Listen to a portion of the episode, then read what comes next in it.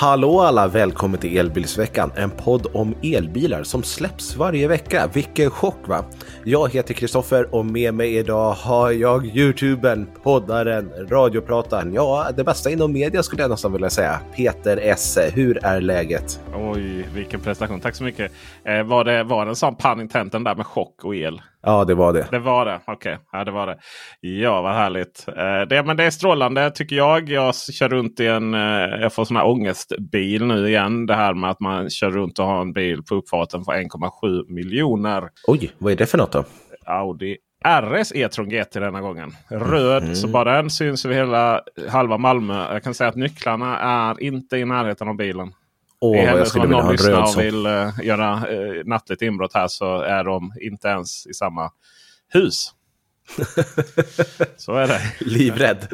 ja, men faktiskt alltså. Det, det, är inte den typen av bil man normalt sett har på uppfarten kanske. Nej, frågan är ju, för det är ju just de här jag vet inte hur stor risk det är egentligen med de här elbilarna. Så det är nog inte de som, eh, som man, om man är lite fuffens, eh, gör inbrott hos folk, binder dem och tar nyckeln och kör iväg bilen till någon, något annat land. Jag tror inte det är, elbilar har riktigt det problemet. För de finns inte, inte den attraktionskraften. Men hade det varit en RS eh, Q8 till exempel så hade det varit en annan sak. Kanske alltså vi pratar eh, bensin då, varianten. Eller RS6 eller någonting sådär. Sådana, de har man ju hört rätt mycket om. Att, eh, att, att man får vara lite försiktig där. Eh, tyvärr. Men vi eh, ska inte prata om fossilbilar utan vi ska ju eh, prata om el. Och el det är ju någonting som veckans sponsor Greenly sysslar med. Veckans episod av Elbilsveckan presenteras av Greenly. Tre riktigt bra saker med Greenly. Det är bra för din plånbok, du får en monetär ersättning. Det är bra för miljön, vi undviker peak hours och slipper sätta igång Karlshamns oljekraftverk. Men det är också bra för samhället. Tillsammans kan vi balansera elnätet och ta tillvara på de resurser som redan finns. Kom igång med Greenly redan idag. Besök oss på greenly.com. Tack så mycket från oss från Greenly och nu fortsätter ett fantastiskt avsnitt av Elbilsveckan. Vad härligt! Tack Johan! Sälja-Johan. Han har sån härlig röst. Undrar när han börjar podda. Ja, vi har faktiskt poddat en gång. Johan och jag. Jaha. Mm. Antar att ni inte pratade elbilar då? Nej, vi pratade eh, hur förjävligt allting är när det kommer till eh, mediaköp på internet. Köpa på internet kan man göra med Tesla och... Life is full of what ifs. Some awesome. Like what if AI could fold your laundry? And some, well, less awesome. Like what if you have unexpected medical costs? United Healthcare can help get you covered with Health Protector Guard fixed indemnity insurance plans. They supplement your primary plan to help you manage out of pocket costs. No deductibles, no enrollment periods, and especially no more what ifs. Visit uh1.com to find the Health Protector Guard plan for you. I'm Sandra, and I'm just the professional your small business was looking for. But you didn't hire me because you didn't use LinkedIn jobs. LinkedIn has professionals you can't find anywhere else, including those who aren't actively looking for a new job but might be open to the perfect role, like me. In a given month, over 70% of LinkedIn users don't visit other leading job sites. So if you're not looking on LinkedIn, you'll miss out on great candidates like Sandra. Start hiring professionals like a professional. Post your free job on linkedin.com/people today. Burrow's furniture is built for the way you live. From ensuring easy assembly and disassembly to honoring highly requested new colors for their award-winning seating, they always have their customers in mind. Their modular seating is made out of durable materials to last and grow with you. And with Burrow, you always get fast, free shipping. Get up to 60% off during Burrow's Memorial Day sale at burrow.com slash ACAST. That's burrow.com slash ACAST. burrow.com slash ACAST. Tesla long range med bara en motor var ju någonting som eh, såldes rekordbilligt här och förra veckan. Vi pratade om den är ju slut nu och finns ingenstans att hitta. Så att vi har en liten... Den här ligger under rättningar då. Men vi kan väl konstatera att det var inte en modell som liksom skulle etablera sig här i Sverige. Utan eh, möjligtvis så fanns det temporär batch som man inte riktigt visste vad man skulle göra av med. Så den gick till svenska tjänstebilsförare helt enkelt. Och eh, det, det tycker jag är lite synd. För den modellen hade ju verkligen kunnat varit intressant för många här i Sverige tror jag. Vi är ett stort land. det är många som åker många mil. Och att behöva gå upp till AVD long range istället för att få det större batteriet. Det, det tycker jag är synd. Nu när de uppenbarligen har liksom bakhjulsdrivna med stora batterier. Och det var ju det som var med den bilen. Att den var bakhjulsdriven och hade stora batteriet. Det är Precis. ganska bra. Annars brukar ju long range vara just det. Att, att, att du har. Eh, oftast så finns det ju liksom tre varianter av de här bilarna. Vi har en eh, bakhjulsdriven eller framhjulsdriven variant med ett litet batteri. Och sen så har vi en bakhjulsdriven eller framhjulsdriven, förlåt, ihop då. Tre, eh, nej, jo, eh, en bakhjulsdriven eller framhjulsdriven med det stora batteriet. Och sen så sätter du ihop då två motorer som har samma stora batteri. Då, så får man välja mellan performance eller long range. Då. Men Tesla säljer inte dessa eh, bilar eh, förutom man har, dem, man har dem aktivt till tjänstebilförare i Storbritannien. Jag vet inte, är det att man helt enkelt inte gör någon vinst på dem? Det har man ju gjort. Tesla har gjort något så frenetiskt med pengar här de senaste kvartalet. Det såg vi i kvartalsrapporten. Ja, det får man väl ändå säga. Det får man ju säga. Det kommer vi faktiskt inte prata så mycket mer om idag.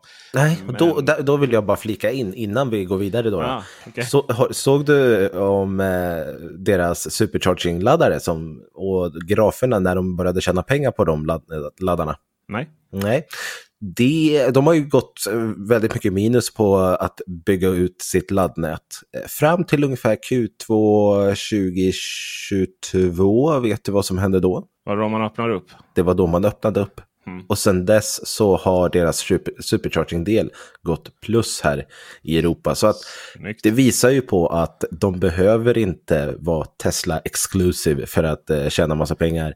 Tvärtom. Snarare tvärtom ja. Och nu när det pratas om det, eller nu när det kommer bli så även i USA också, så kommer de antagligen tjäna ännu mera pengar på sina superchargers. Så att eh, för Teslas del så var det bara positivt att öppna upp där. Men vet du vad du gjorde nu? Du pratade om elbilsladdning. Oh. Ajabaja.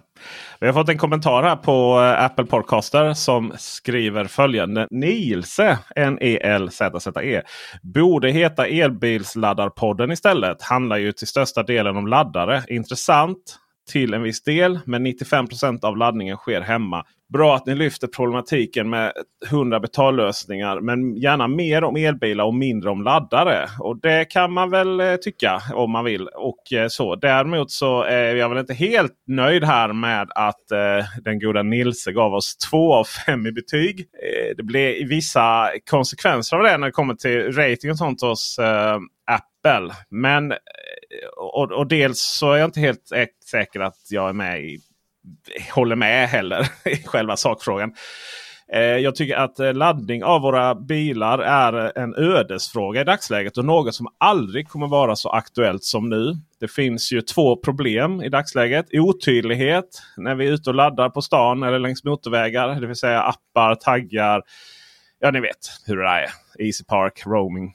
Den andra utmaningen är ju att, eh, som man skriver här, 95% av laddningen sker hemma. Jo, men det är ju den andra stora utmaningen. att Så kan vi inte ha det. Vi måste ha ett fungerande elbilsladdarnätverk för de som inte kan ladda hemma. Och det är ju faktiskt den stora delen av befolkningen. Och Så det är ju den andra stora ödesfrågan som vi kommer att prata ännu mer om faktiskt framöver. Och Ofta kan det ju vara också så att jag har märkt så här när man, måste, man ibland har ett för, behov av att försvara elbilen så kan det lätt bli så här att ja, men det är jättebilligt att ladda bilen. För eh, alla kan ladda hemma. Eh, så därför så behöver vi inte Därför så behöver vi inte prata så mycket om att det är så dyrt ut att köra så. För det är ju inte bra för imagen för elbilar. Eh, men sen samtidigt så eh, i nästa andetag om någon säger ja men elbilar kommer aldrig slå för att alla kan inte ladda hemma. Ja men det är så lätt att ladda på stan, det är inga konstigheter. Liksom. Ofta kan det vara samma personer som hela tiden ska försvara det. Då. Och, och sen särskilt nu då också så är det ju semestertider. Då eh, rätt många är ute och laddar sina elbilar. Det, är- så att det är ju lite sådär de där 5 procenten. De händer ju i detta nu också återigen så är det lite väl magstarkt att ge en tvåa i betyg eh, baserat på just de tankarna. Eh, det är ju inte riktigt samma sak som om, om en tvåa eller något sånt där lågt betyg. Det kan det ge om det är man inte gillar mig eller Kristoffer. Vem gillar inte Kristoffer i och för sig? Men om man inte gillar mig. Eller vad vi säger. Eller dåligt ljud och sådär. Så nej, den är vi väl inte helt eh, tillfreds med på tal om saker vi inte är nöjda med så är ju det här med skyltavläsning någonting som fungerar inte så himla bra. Eller hur Kristoffer Gullin? Nej, det har vi ju pratat om i princip varje gång vi pratar om bilar. Yes, och låt oss fortsätta prata om det. Det är nämligen så att eh, Mobileye som är ett Intel-ägt bolag som jobbar just med eh, att bilar ska få ett seende. Eh, därav Mobileye. Då.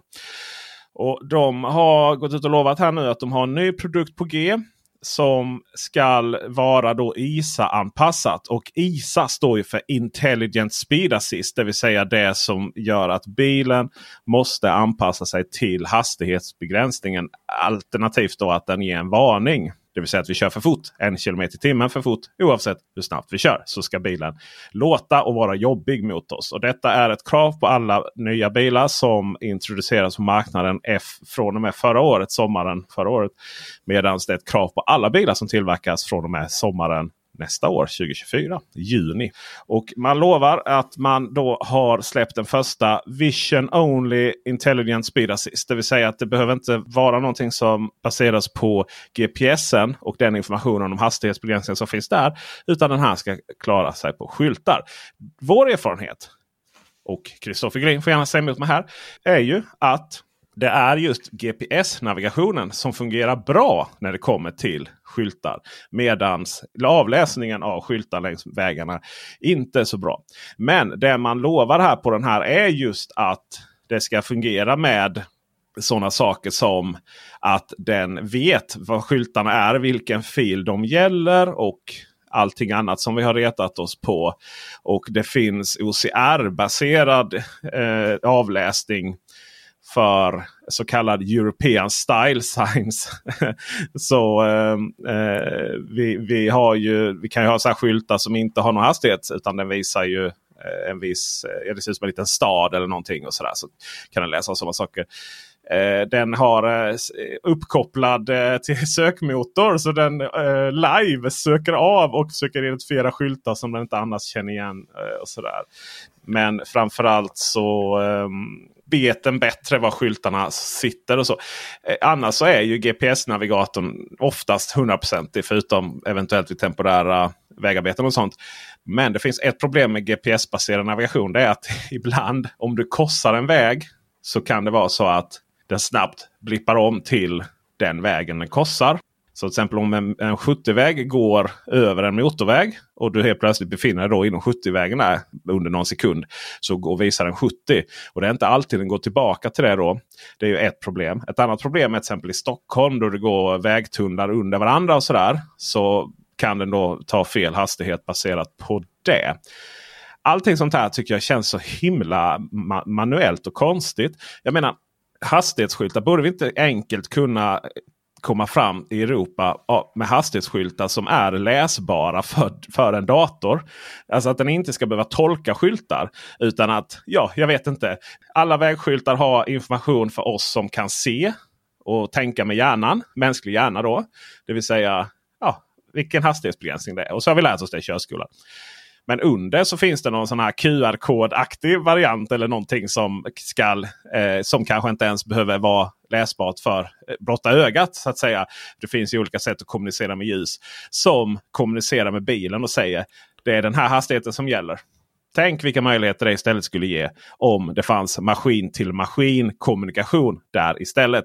Jag hade ju kunnat tänka mig att det där gick via via radiovåg istället. Men eh, då skulle du behöva ha ström till alla vägskyltar och det hade ju naturligtvis inte fungerat. Men det måste ju finnas ett sätt som gör att vägskyltarna kommunicerar med bilar på ett mycket bättre sätt än idag. Det låter jättedyrt och jättekomplicerat. Men skyltarna är ju någonting som vi redan har idag. Det är klart det låter jättedyrt och jättekomplicerat. Men eh, eh, någonting som är jättedyrt och ännu mer komplicerat. Det är ju den här visionen om självkörande bilar. Och tänk dig vad enkelt det hade varit om jo. vägen kommunicerade. Alltså vi pratar ju... Alltså, jag, jag, tror inte att vi kommer ha självkörande bilar där man kan luta sig tillbaka och läsa en bok eller läsa en bok nu. 2023 eh, här, vi kollar i appar. E-bok, du menar e-bok? Ja, ja, ja, precis. precis. Eh, men jag tror inte att det kommer vara de kommande 5-10 åren ändå. Men det, jag tror att det kommer ta ännu längre tid om vi ska anpassa all infrastruktur. Vi kommer behöva anpassa en del av infra, infrastrukturen för det, absolut. Men alla hastighetsskyltar och sådana saker, det, då tror jag att det är bättre att man försöker få någon form av gemensam standard inom EU hur en hastighetsskylt ska se ut. Då måste du byta ut dem ändå. Ja. Och flytta dem och sådana saker. Ja. Jag sitter faktiskt och funderar allvarligt på att sätta ihop ett medborgarinitiativ för detta. Du behöver bara en, sådär en miljon underskrifter i sju olika EU-länder för att lagstiftningen ska behöva utmanas av allmänheten. Vi får väl se hur det går med det här. Det finns nog en miljon som irriterar sig på ett, pipandet. Det bör finnas en miljon människor i hela EU. EU är väl så 450-500 någonting. Just precis. Vi är en sådär 447 miljoner människor. Ja, det var min chansning på 450 bra då. Snyggt. Snyggt. En bra avrundning där. Vi fortsätter med lite siffror i Europa tycker jag. Precis. För om vi fortsätter med EU så, och bilar så har vi fått fram siffrorna på vilken bil som är den bäst säljande i Europa. Och eh, nej, det behövs inte ens en trumvirvel här för att alla nej, vet redan vilken bil det är. Det är en Tesla Model Y. Den har alltså sålt 121 000 exemplar från januari till juni under 2023, vilket är 3 000 mer än Dacia Sandero som har sålt 118 000, nästan 119 000 bilar samma, under samma period. Det, det, är jättestor prisskillnad på de här bilarna, men ändå så har Model Y lyckats ta sig hela vägen till toppen och hållit sig där under hela 2023. Det är helt fantastiskt hur Tesla verkligen har lyckats kränga ut Model Ys. Ja, kränga är ju rätt ord alltså. det, var, det var ju inte riktigt samma kaos här nu när de skulle hämtas som de hade väl lyckats få tag på lite lite bättre. Men det har ju varit, det har varit lite problem i Sverige med att de helt plötsligt ändrade regler för förskottsbetalning och så. För tidigare har ju bankerna betalat efter leverans och nu skulle de vara innan. Och folk fick sms om att bilarna inte var klara. Och lite kaos har det varit. Men inte alls de här scenerna. Som man, Nej, jag tror att uh, Q2 så har de fått ut bilar under mer, mer jämnt än vad det var tidigare under Q1. Vi har ju, alltså det var den enda bilen på topp 10-listan här över bästsäljande bilar i Europa. Alltså Model 3, ID4 och de där, de är inte ens med och liksom tävlar. Det är bara Model Y som gäller. Och det är ju, det är ju naturligtvis en strategi från eh, de europeiska biltillverkarna att inte prisa bort dessa bilar. Och med tanke på att Volkswagen har rejäla problem nu och det eh, har väl gått in nästan i en vägg när det kommer till försäljningen av Model Y-konkurrenten ID4. En väg som kanske en stor del eh, svenska regeringen har en viss stor del har en viss del. Jag vet inte, någonstans däremellan. Ja, inte över hela EU tror jag. Ja, men det var ju kanske så att Sverige stod för en ganska stor del av försäljningen av dessa bilar. Och Nor Nor Norge. Uh, sådär. Att, att, uh, att, det är två olika saker här nu. Att, att man skulle kunna konkurrera med Model Y över hela EU. Den är ju, det är ju helt helt eller i Europa. Den är ju, det, det går ju inte. Alltså det där är ju, Tesla är ju en fantastisk bil för pengarna. Det, det finns ingenting om det. Men att Volkswagen helt plötsligt gick in i en väg när det kommer till produktion av elbilar. Där har nog Norden en hel del att säga till om. Eller inte säga till om. Utan eh, där var nog, fanns det större förhoppningar på Norden. Det är ju trots allt Sverige och Norges och Nederländerna också ska sägas som har drivit el, elbilsförsäljningen i det här landet. När det kommer till Tyskland däremot så är det helt klart Tesla som gäller. Och det var ju också mycket tack vare Berlinfabriken detta kan hända. Just för Tyskland. För i Tyskland så finns det sådana intressanta regler. Eller snarare eh, kultur. Att tjänstebilar det ska vara tysk, tyska bilar. Det är väl ganska vanligt i Sverige också. jag, tror inte man har, jag, tror inte man, jag tror inte man har den principen att det måste vara svenska bilar. Men att det kanske man råkar köpa väldigt mycket Volvo så att säga. Det är det som gäller. typ. Men eh, vi har ju alltså Passater har ju gått väldigt mycket på den svenska tjänstebilsmarknaden. Får man ju säga. Ja, verkligen. Eh, sådär. Så jag tror att det finns en kultur eh, snarare för de som vill köpa tjänstebilar. Men i, i Tyskland så har man liksom eh, har man Eh, som, eh, som standard att på många bolag och väldigt många stora bolag och sådär att det, är, det måste vara tysk inte tysktillverkat nödvändigtvis, men tyska biltillverkare. Då. Och sen att de råkar, till exempel många eh, eh, Mercedes skeppas ju från USA och sånt över. Men Berlin när den kom gjorde att Tesla Model Y har eh, blivit accepterat på den tyska tjänstebilsmarknaden. Och den är ju enorm. Enorm. Det ska också sägas att det säljs enormt mycket Tesla-bilar i Tyskland som sen importeras utomlands också. Just för att de har kvar de här eh, miljöbonusar och de har inte riktigt samma skydd som vi hade då. Eh, så de har, har haft i alla fall samma problem med det. Oavsett det, det är ju inte så att säga oj, det är, det är, ett, eh, det är därför Tesla säljer många bilar. Jag menar, det är samma för alla naturligtvis. Och om det nu är så att eh, tyskarna vill köra tyskt så hade ju det snarare varit en, någonting som visar upp en, eh, att det skulle sålts fler tyska elbilar i det landet. Så att Tesla har, jobbar väl både med och motvind i detta och det är otroligt duktigt av dem. Eh, jag ser fram emot att se Tesla Model 3 eh, uppdaterad här nu och efter det också Model Y. Det ska bli väldigt spännande att se de bilarna. Sen är det ju så att just Tesla kan vinna på många olika sätt. Det är inte bara försäljning utan om man av någon outgrundlig anledning skulle få för sig att köra från, jag vet inte, vi tar slumpvis utvalda städer i Sverige. Ystad till Haparanda. Oj, det var slumpartat. Hur skulle det gå tror du, Kristoffer Gullin? Det skulle inte gå alls. Jag har hört att elbilar inte går att köra med i Sverige längre än max 10 mil. Så det är helt kört på en gång. Eller hur är det nu? För det finns ju någonting som kallas SECC. Vet du vad det står för? Swedish Electric Car Championship. Du fick inte ens chansen. Jag fick inte chansen, jag hade inte klarat den. det är någonting som forummedlemmar på forumet Tesla Club Sweden har satt igång för många år sedan. Jag kommer inte ihåg när första gången de körde det nu. Men det startades en gång i tiden för att visa att jodå, du kan faktiskt åka elbil genom hela Sverige. Från Ystad till Haparanda och tillbaka. En sträcka på 163 mil. Eh, enkel resa borde det bli. Det har körts varje år för att se hur laddinfrastrukturen har förbättrats, eh, hur lång tid det tar och sådana saker. Och nu för 2023 så har det gått av stapeln. Och då vill jag först bara säga här, det här är ju en, inte en ett event som organiseras av ett företag eller en organisation utan det här är ju forummedlemmar som kör sina privata bilar och därför så kan det vara lite slumpartat vilka bilar som är med. Det är alltså inte Tesla eller Volkswagen eller Volvo eller någonting som ställer upp med bilar och vi får se både nya och gamla bilar av den anledningen. Och tar vi en titt på hur lång tid eh, det tog att åka den här sträckan så vann det en Tesla Model 3 Long Range som vanligt skulle jag nästan vilja säga för det är en Tesla Model 3 Long Range som har vunnit de senaste åren. Den här gången så tog det 18 timmar och 11 minuter, ett nytt rekord för tävlingen och det var användaren Joje som lyckades med det. Får stort grattis till honom. Som vanligt. Alltså, är det också som vanligt att han var in där? Eh, ja, ja, det är gamla vanliga. Varken dricker eller, eller äter på vägen. Är det tävling så förstår jag det till 100 procent.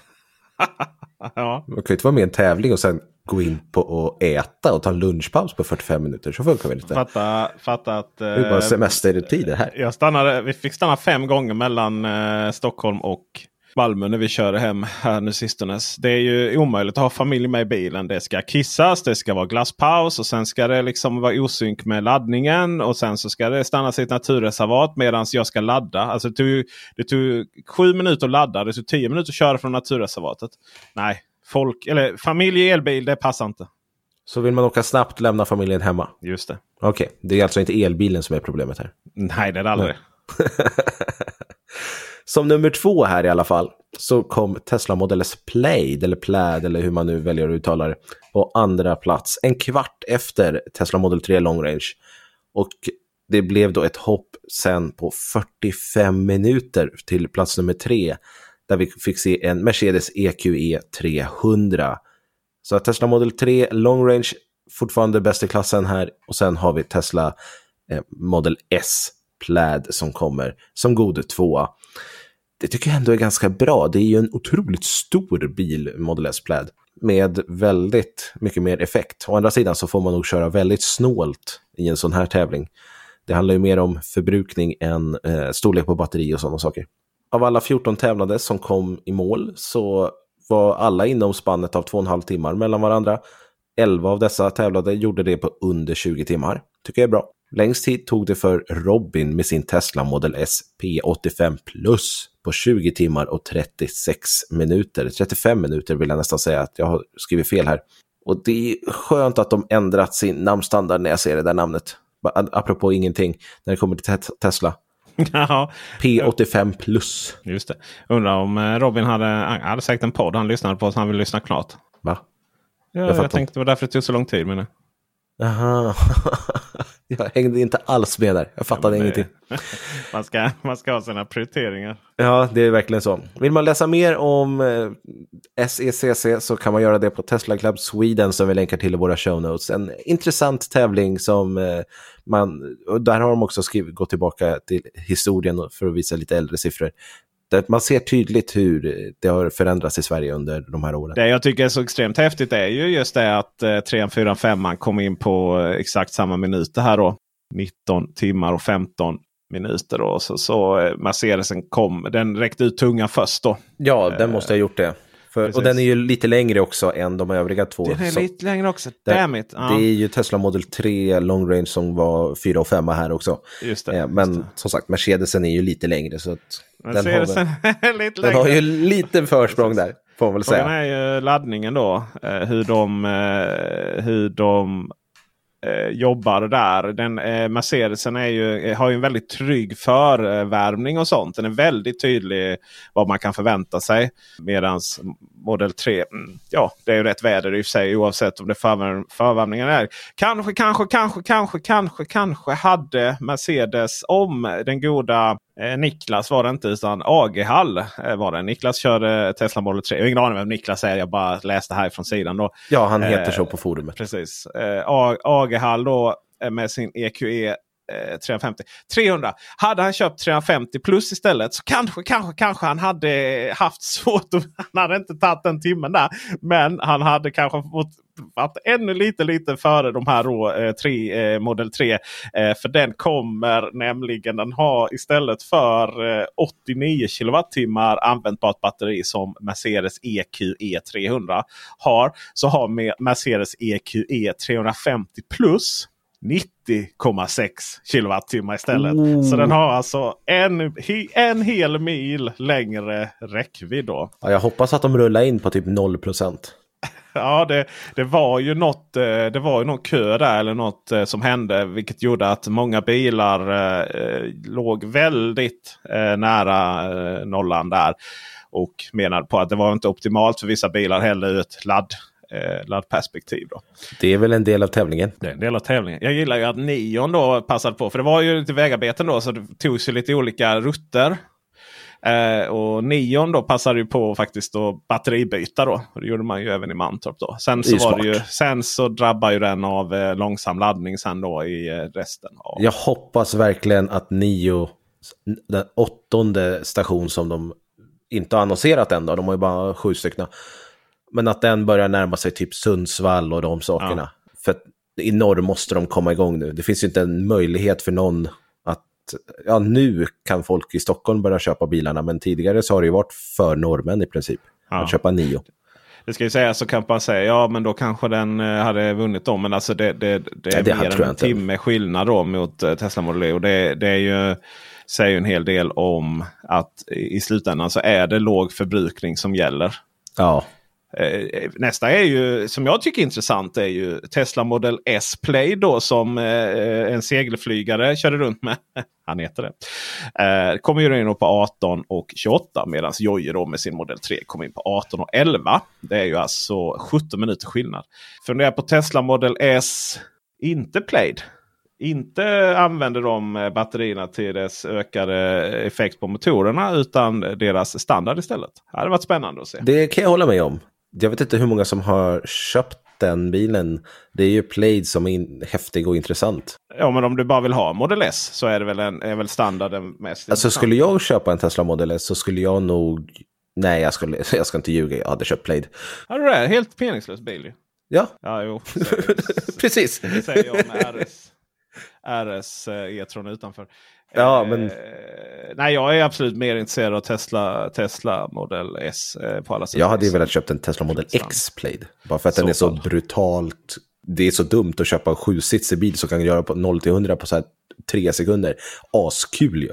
Ja, precis. Det är ju så himla dumt att den, har, att, att den är så. Mm. Och därför skulle jag vilja ha den. Men det är inga pengar jag tänkte lägga. Det finns mycket jag kommer göra med 1,5, 1,7 eller vad den kostar. Innan ja. jag köper en Model X Plate. Speciellt när jag inte har, behöver sju säten. Ja, verkligen. Life is full of what ifs. Some awesome, like what if AI could fold your laundry? And some, well, less awesome, like what if you have unexpected medical costs? United Healthcare can help get you covered with Health Protector Guard fixed indemnity insurance plans. They supplement your primary plan to help you manage out of pocket costs. No deductibles, no enrollment periods, and especially no more what ifs. Visit uh1.com to find the Health Protector Guard plan for you. There's never been a faster or easier way to start your weight loss journey than with PlushCare. PlushCare accepts most insurance plans and gives you online access to board-certified physicians who can prescribe FDA-approved weight loss medications like Wigovi and Zepbound for those who qualify. Take charge of your health and speak with a board-certified physician about a weight loss plan that's right for you. Get started today at plushcare.com slash weight loss. That's plushcare.com slash weight loss. plushcare.com slash weight loss. Hiring for your small business? If you're not looking for professionals on LinkedIn, you're looking in the wrong place. That's like looking for your car keys in a fish tank. LinkedIn helps you hire professionals you can't find anywhere else, even those who aren't actively searching for a new job but might be open to the perfect role. In a given month, over 70% of LinkedIn users don't even visit other leading job sites. So start looking in the right place. With LinkedIn, you can hire professionals like a professional. Post your free job on linkedin.com slash people today.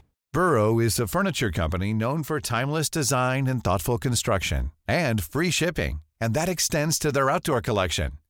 Their outdoor furniture is built to withstand the elements, featuring rust-proof stainless steel hardware, weather-ready teak, and quick-dry foam cushions.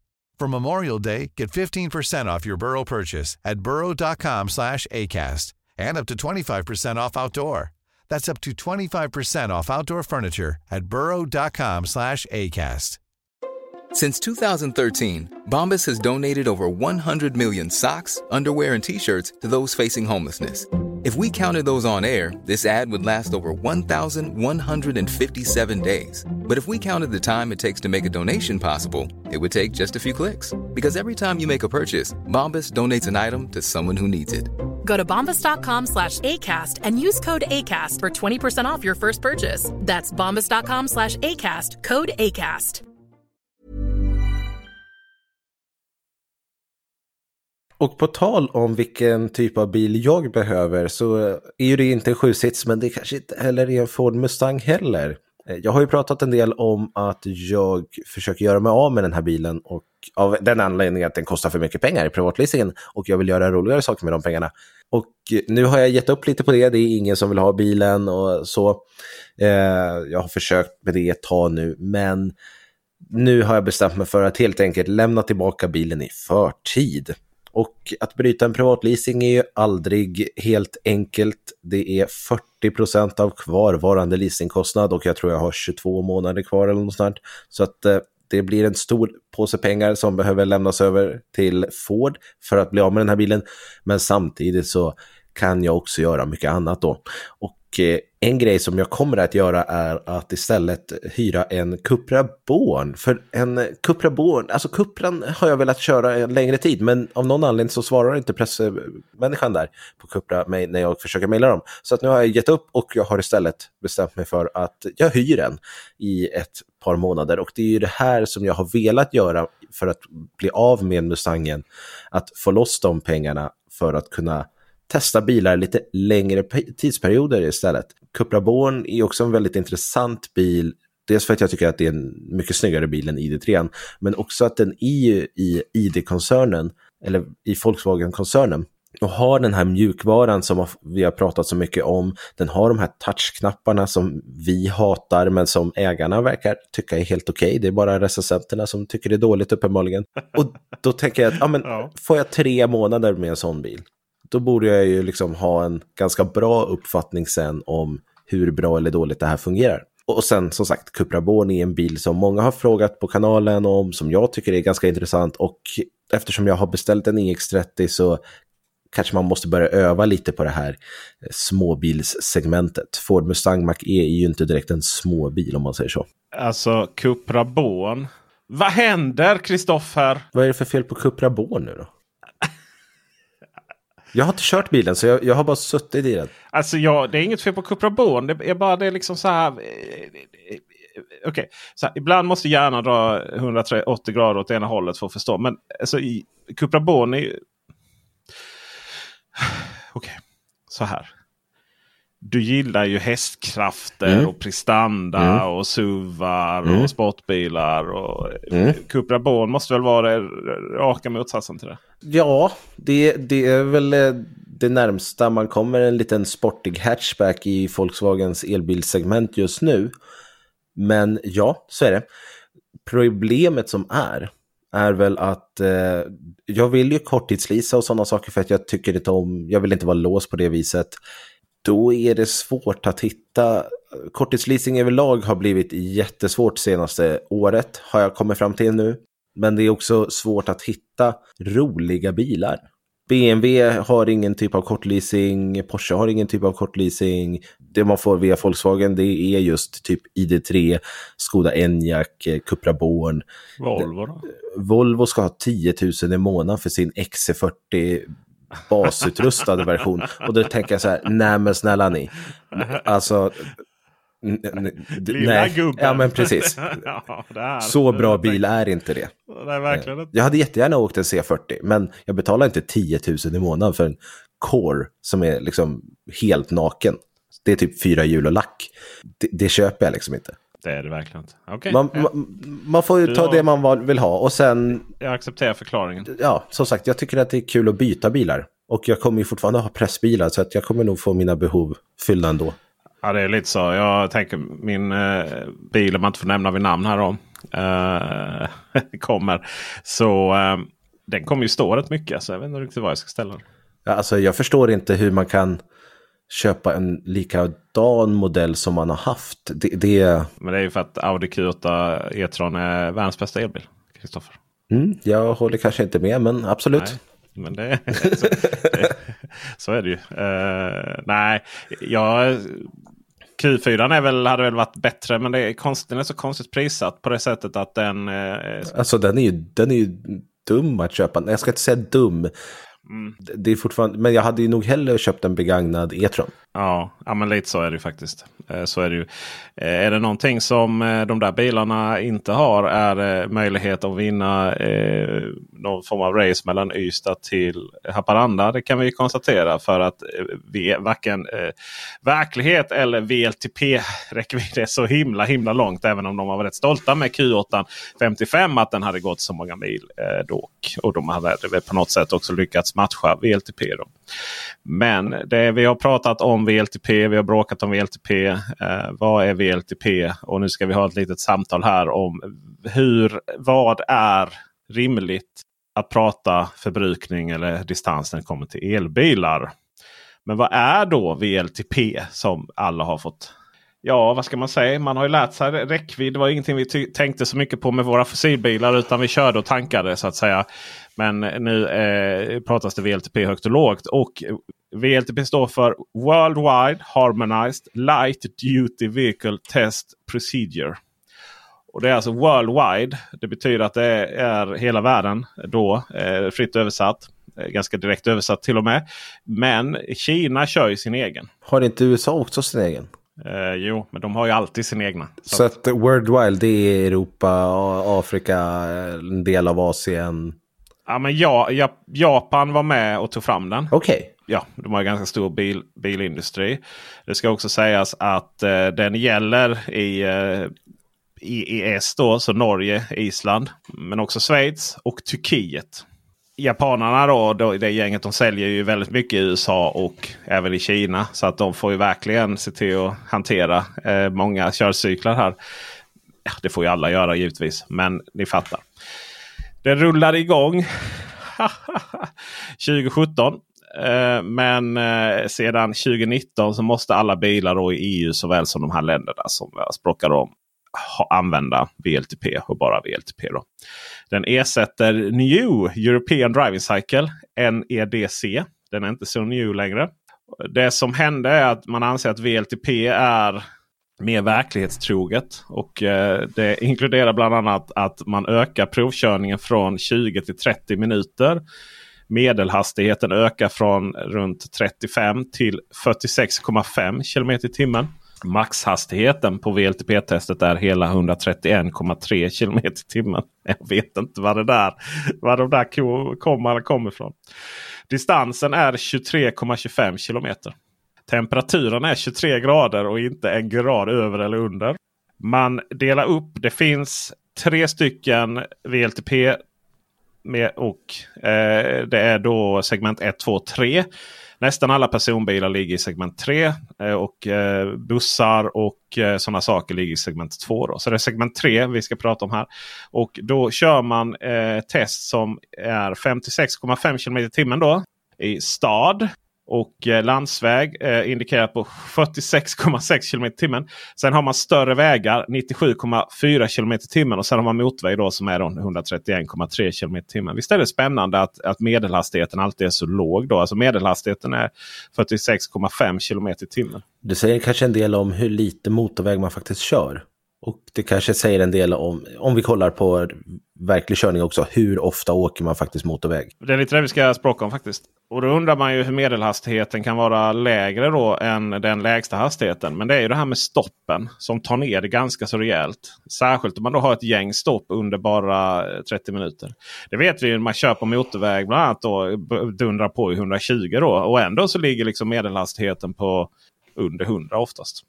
Det görs Alltså VLTP stipulerar inte att det ska göras något i kallt väder. Men flera biltillverkare visar ju eh, möjlighet att ställa in distansen då på deras webbsidor. Då, att du väljer bil då. Sen får du välja liksom, hur mycket motorväg kör vi och hur mycket eh, är det kallt eller inte. Och så, där, och så får du olika distanser. Då. Och tar man liksom motorvägskörning 100% i, i kallt väder så då blir det ju ganska lågt. Då.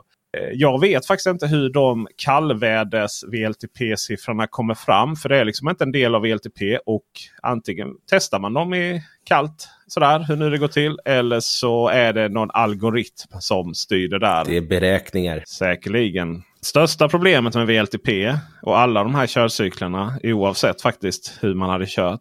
Är ju naturligtvis det faktumet att regn är då inte med. Alltså kyla uppenbarligen eh, räknar man ju ut. Men den är väldigt sådär. Kyla är typ minus 7. Det är liksom det det är. Liksom. Alltså ett, ett, ett, ett svenskt regnruskt i plus minus noll med grov asfalt. Den finns inte den körcykeln. Och inte heller eh, det här med höjdskillnader. Och det är faktiskt en riktigt stor skillnad. Jag kollar ju det där när jag kör mellan Stockholm och Malmö och sen tillbaka. Och det är ganska så stor skillnad på att köra mellan Stockholm och Jönköping då som har en, en höjdskillnad uppemot 100 meter. Eh, då upp mot Jönköping. Eller vad säger man? Ner mot Jönköping i, i uppförsbacke kan man säga då. Eh, medans eh, jag sen då kör mellan Jönköping och Malmö så är det betydligt lägre förbrukning. Det är som fri, rulla frihjul där liksom. Sen är det klart, kommer man upp på Hallandsåsen där så ändras det lite. Men sen ska man ner igen. Så ja, det är ju största problemet. Eh, ett av de största problemen då med, mot verkligheten. Att höjdskillnaden. Och jag menar, kör du upp till norr om Stockholm så måste det vara jättestor skillnad när du kör upp mot dina höga kuster och allt vad du gör. Absolut, så är det ju. Och sen nu, vad, vad, är, vad är stor skillnad? Ja, vissa bilar har en tendens till att fart känns knappt som att det spelar någon roll på Ioniq 6 till exempel. Och då är skillnaden inte så himla stor. Då, då kanske det vi pratar om 0,2-0,3 kilowattimmar per mil. Eller som eh, vilket då hade varit... Alltså jag, det här, alla bilar visar ju olika nästan. Nej, ingen visar ju kilowattimmar per mil. De visar ju kilowattimmar per... Eh, 100 kilometer. Per 10 mil då ju. Eller Tesla visar ju watt då istället. Vilket jag för sig tycker är smartast. Wattimmar per kilometer. Wattimmar per kilometer. Mm precis. Då ligger de på 200 typ. Ja. Istället för. Och medans eh, alltså, eh, 2 kilowatt per mil är ju 20 kilowatt per 10 mil. Eller 200 watt. Timmar. Timmar. Ska lägga timmar på allt det jag sa. Eh, per kilometer. Kilometer, ja. Tack. Alltså jag är dyskalkyli. Så det, ja, mm, alltså, det är ju också en del av elbilsgrejen att man ska lära sig allt det här. Och eftersom alla visar olika så blir det svårt och vi pratar olika och så vidare. Så det, det, är också ja, en del av det. Det är ju det. Absolut största problemet är att vi överhuvudtaget pratar distans tycker jag. Både ja och nej. Jag tycker att det är viktigt att man förstår hur VLTP tas fram. Att det är i inomhus i en labbmiljö där det inte blåser på det viset. Men jag tycker att också att det är bra att den finns som en jämförelsesiffra. För det är ju det det faktiskt är. Man ska ju inte ta det här direkt och bara, ja men nu kan jag åka 300 kilometer med min bil för att det är det VLTPn säger. Utan det är ju en jämförelsesiffra där alla bilar baserar sig på exakt lika villkor. Och då kan man verkligen se hur bilarna skiljer sig förbrukningsmässigt. Sen kommer det inte vara exakt de siffrorna, men skiljer det 15% mellan bil 1 och bil 2, ja men då kanske det antagligen kommer skilja 15% i verkligheten också mellan bil 1 och bil 2. Men eh, är det inte då förbrukning det bästa? Jo, men det är ju den de räknar ut. Jo, jo, men är det inte förbrukning väldigt tydlig? Den här bilen drar 1,5 kilowatt per mil. Timmar per mil. och den här bilen drar 2, 2 kilowattimmar per mil. Och den här bilen drar 3 kilowattimmar per mil. Förbrukningen är egentligen det som är intressant. Tycker jag också. Det är det som visar på om en tillverkare har gjort bra ifrån sig eller dåligt ifrån sig. Att bara mm. kasta in ett stort batteri, typ Audi Q8 E-tron. Då har man ju liksom kastat in ett jättestort batteri och så säger man titta vad långt vi kommer. Ja men good for you. Men det är fortfarande en jättestor bil som drar enormt mycket. Och har en... Ja, det blivit några husbatterier av det batteriet kan man ju säga. Nej men det, precis, det är ju jättemycket förbrukning som den bilen har. Och då ska man säga, ja men är det en bra bil för att den kommer långt? Med ett stort batteri eller är det en dålig bil för att den drar väldigt mycket? Så är alla SUVar drar mycket? Ja, absolut. Är det dumt att ha SUVar då? Ja, det ja, ja, det, är det. det. det är faktiskt en jättedum Just E-tron tycker jag väl drar mer än de flesta andra SUVar. Ja, det är okej. Okay. Jag, jag godkänner den ja. transkriptionen. Här. Ja. jag, hade en, jag gjorde räckviddstest på Q8 E-tron här nyligen. Eh, som la upp på YouTube och då var det någon som kommenterade om att jag kallade det räckviddstest men jag sorterade på förbrukning. Borde jag inte kalla det förbrukningstest då? För min del är det lite potato potato för att båda mm. siffrorna behövs ja. i min värld. Det jag tycker det är en jättebra poäng att både, både, både förbrukning och sen så och i och med att då vi har batteri i den så eh, vid olika storlekar så har vi en räckvidd också på bilen. Men en tanke jag lekt med är ju det faktumet att enda gången räckvidd på en bil spelar roll för folk i vardagen. Jag menar inte när vi testar och jämför bilar. Vad får vi för räckvidd för pengarna och sånt. Utan räckvidd för folk i vardagen. Det är ju när de ska köra långt. Och när man kör långt, oftast här i Europa, i Sverige, så kör man långt på motorväg. Så enda, enda gången man faktiskt behöver ta hänsyn till det här för att du pendlar annars till jobbet typ. Och så laddar du hemma varje natt eller på jobbet varje natt. Oftast då. Eh, så, alla gör ju inte det. Uh, då, då, då är det ingen som bryr sig om räckvidd. Överhuvudtaget. Och dessutom den körcykeln är ju också sådär du vet. Det är ju gasa till jobbet. Det finns ju inget som drar så mycket liksom. Men jag menar är det inte så i dagsläget att eh, räckvidden på motorvägsfart är det som är mest relevant nådens år nej, 2023? Nej, alltså det är där jag tycker att du gör det här misstaget som du pratade om i början. Du förväntar dig att alla kan ladda hemma. Nej, jag förväntar mig inte att alla kan ladda hemma. Utan jag förväntar mig att den generella, alltså det som liksom, finns den generella om man ska välja ut olika siffror ska säga så här. Om man, man måste tvingas välja ut olika siffror. Då, så är det ju en jättestor diskrepans mellan VLTP. Den största, absolut största diskrepansen mellan två olika siffror är ju VLTP och svensk motorväg. Alltså det är där den stora förväntansdiskrepansen hamnar. Eh, om du kör till jobbet kors och tvärs och så vidare. Så behöver du aldrig förhålla dig till det i och med att du då antingen laddar hemma eller på jobbet. Då nådens år 2024. Sen när vi liksom kommer i en värld där folk laddar eller e, äger elbilar fast man inte kan ladda hemma och så vidare. Då så är ju frågan snarare tvärtom då. Hur många gånger kan jag köra till jobbet och hem utan att jag sen behöver köra in till Circle K och ladda upp bilen? Alltså hur många gånger per vecka behöver jag ta en kaffe på Circle K och ladda upp bilen? Då är plötsligt får vi en helt annan frågeställning. Men liksom, om man bara ska välja ut ett begrepp idag. Om man faktiskt ska liksom se vad folk har för problem. Vad förväntningarna brister. Så är det ju sällan att man kör till jobbet fram och tillbaka. Utan det är de gångerna man är ute och kör och så tänker man att ja, den här bilen ska ta, gå så långt och jag kommer så här långt. Finns det en poäng i det? Jo, absolut. Jag håller med. Och vi då kommer därifrån sen. Om, faktiskt ska, så att säga, om du Kristoffer ska hjälpa mig med mina recensioner. Då, så, så, så, mina recensioner blir jättebra. Eh, sådär, och konkurrera med dig då, dina recensioner. Alltså, ska, ska man då prata tre olika eh, siffror? Eh, det vill säga förbrukning, VLTP och motorvägshastighet? Eller ska man bara prata förbrukning och VLTP och så får folk fatta att VLTP inte är motorväg? Svårt. Jag personligen tycker inte att, eller, någonting jag brukar göra i mina recensioner är att inte prata allt för mycket siffror som går att läsa på uh, specifikationerna där VLTP ofta står. Jag brukar nämna att uh, här är VLTP, Sios och 463 km blandad körning. Ja. Och sen nöjer jag mig där. För jag har ju faktiskt både en räckviddstest och ett långresetest. Framförallt långresetestet är ju jätteintressant när man undrar vad en bil gör i förbrukning. För då blir det ju väldigt mycket, ofta väldigt mycket motorväg, eh, landsväg och det är blandad körning. Mm. Det är där semesterresan görs. Så i mina recensioner då brukar jag hålla mig borta från det allt för mycket och hänvisa istället till andra videos som finns. Men ditt räckviddstest är ju väldigt mycket då baserat på långkörning. Mm. Den, den, det räckviddstestet är väl egentligen fel sätt att göra det på, beroende på hur man ser det. Där går jag upp på E4, ligger en konstant fart i x antal mil och sen så går jag av E4 igen och så liksom, ja det här blev förbrukningen. Den har jag också försökt standardisera så gott det går med samma ja. sträcka och så vidare.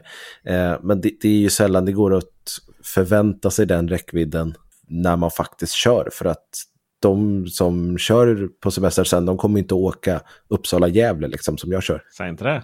Kanske finns något fint i Gävle att titta på. Nej, men jag, tror att VLTP är någonting som vi måste ha som jämförelsesiffra. Men vi behöver lära oss som konsumenter att det här är en jämförelsesiffra. Det är inget som är hugget i sten. Du kan inte förvänta dig att en ID4 kommer över 50 mil på motorväg. Och det är någonting som jag tror att man kommer behöva lära sig med elbilar eh, och utbilda sig mer på under de här kommande åren. vi är ju lärarna. Det är det som är. Ja. Det, tyvärr ligger ju ansvaret på oss då. Mm, jag har precis skrivit ihop ett skript inför en VLTP-video. En video att se fram emot då hos Kristoffer Gullins YouTube-kanal. Ja, innan vi går helt ifrån VLTP-diskussionen här också. Det är också så att många nyare bilar, de har ju inte VLTP-testats än utan där estimerar tillverkaren en räckvidd, vilket gör det också svårt att veta vad som faktiskt gäller. Ta Kia EV9, den har inte VLTP testats än, 465 km, det är vad Kia tror att den kommer få. Var det Polestar 2 som var lite väl eh, under? Precis, Polestar 2 var ju här senast där de berättade att ja, men den skulle ju komma så långt och sen så gjorde VLTP-testet och så kom de lite längre. Likadant Fisker Ocean fick ju också bättre resultat i VLTP-testet än vad de själva hade estimerat. Jag tror att nya Volvo EX30 som ska komma 480 km, det är också Volvos estimerade räckvidd, ja. det är inte VLTP. Så att det är ju väldigt svårt också och jag upplever att där är det en väldigt otydlighet på vad som faktiskt gäller. Och där var vi klara. Kommentera gärna vad ni själva tycker om räckvidder. Vilka termer ska vi använda? Vad är egentligen viktigt då när vi testar våra elbilar? Eh, ni kan kommentera på Spotify. I alla fall några av er har hittat den funktionen. Och eh, ni kan ju för övrigt kommentera var den där är någonstans. För jag kan inte själv kommentera på andra poddar nämligen. Nej, jag, jag har försökt leta. Jag hittar mm, ingenting. Nej, ständiga, ständiga problemet. Apple Podcaster kan ni kommentera på och eh, ge betyg då. Eh, uppenbarligen. Eh, gärna bra om ni tycker det är bra. Naturligtvis dåligt om ni också finner det. Va? Ni hittar oss på Youtube på Guiden om elbil och mig Peter Esse. E-post info at elbilsveckan.se. Tack till ljudtekniker Dennis Klarin för det här underverket. Och tack också till veckans sponsor Greenely. Veckans episod av Elbilsveckan presenteras av Greenly. Tre riktigt bra saker med Greenly. Det är bra för din plånbok, du får en monetär ersättning. Det är bra för miljön, vi undviker peak hours och slipper sätta igång Karlshamns oljekraftverk. Men det är också bra för samhället. Tillsammans kan vi balansera elnätet och ta tillvara på de resurser som redan finns. Kom igång med Greenly redan idag. Besök oss på greenly.com.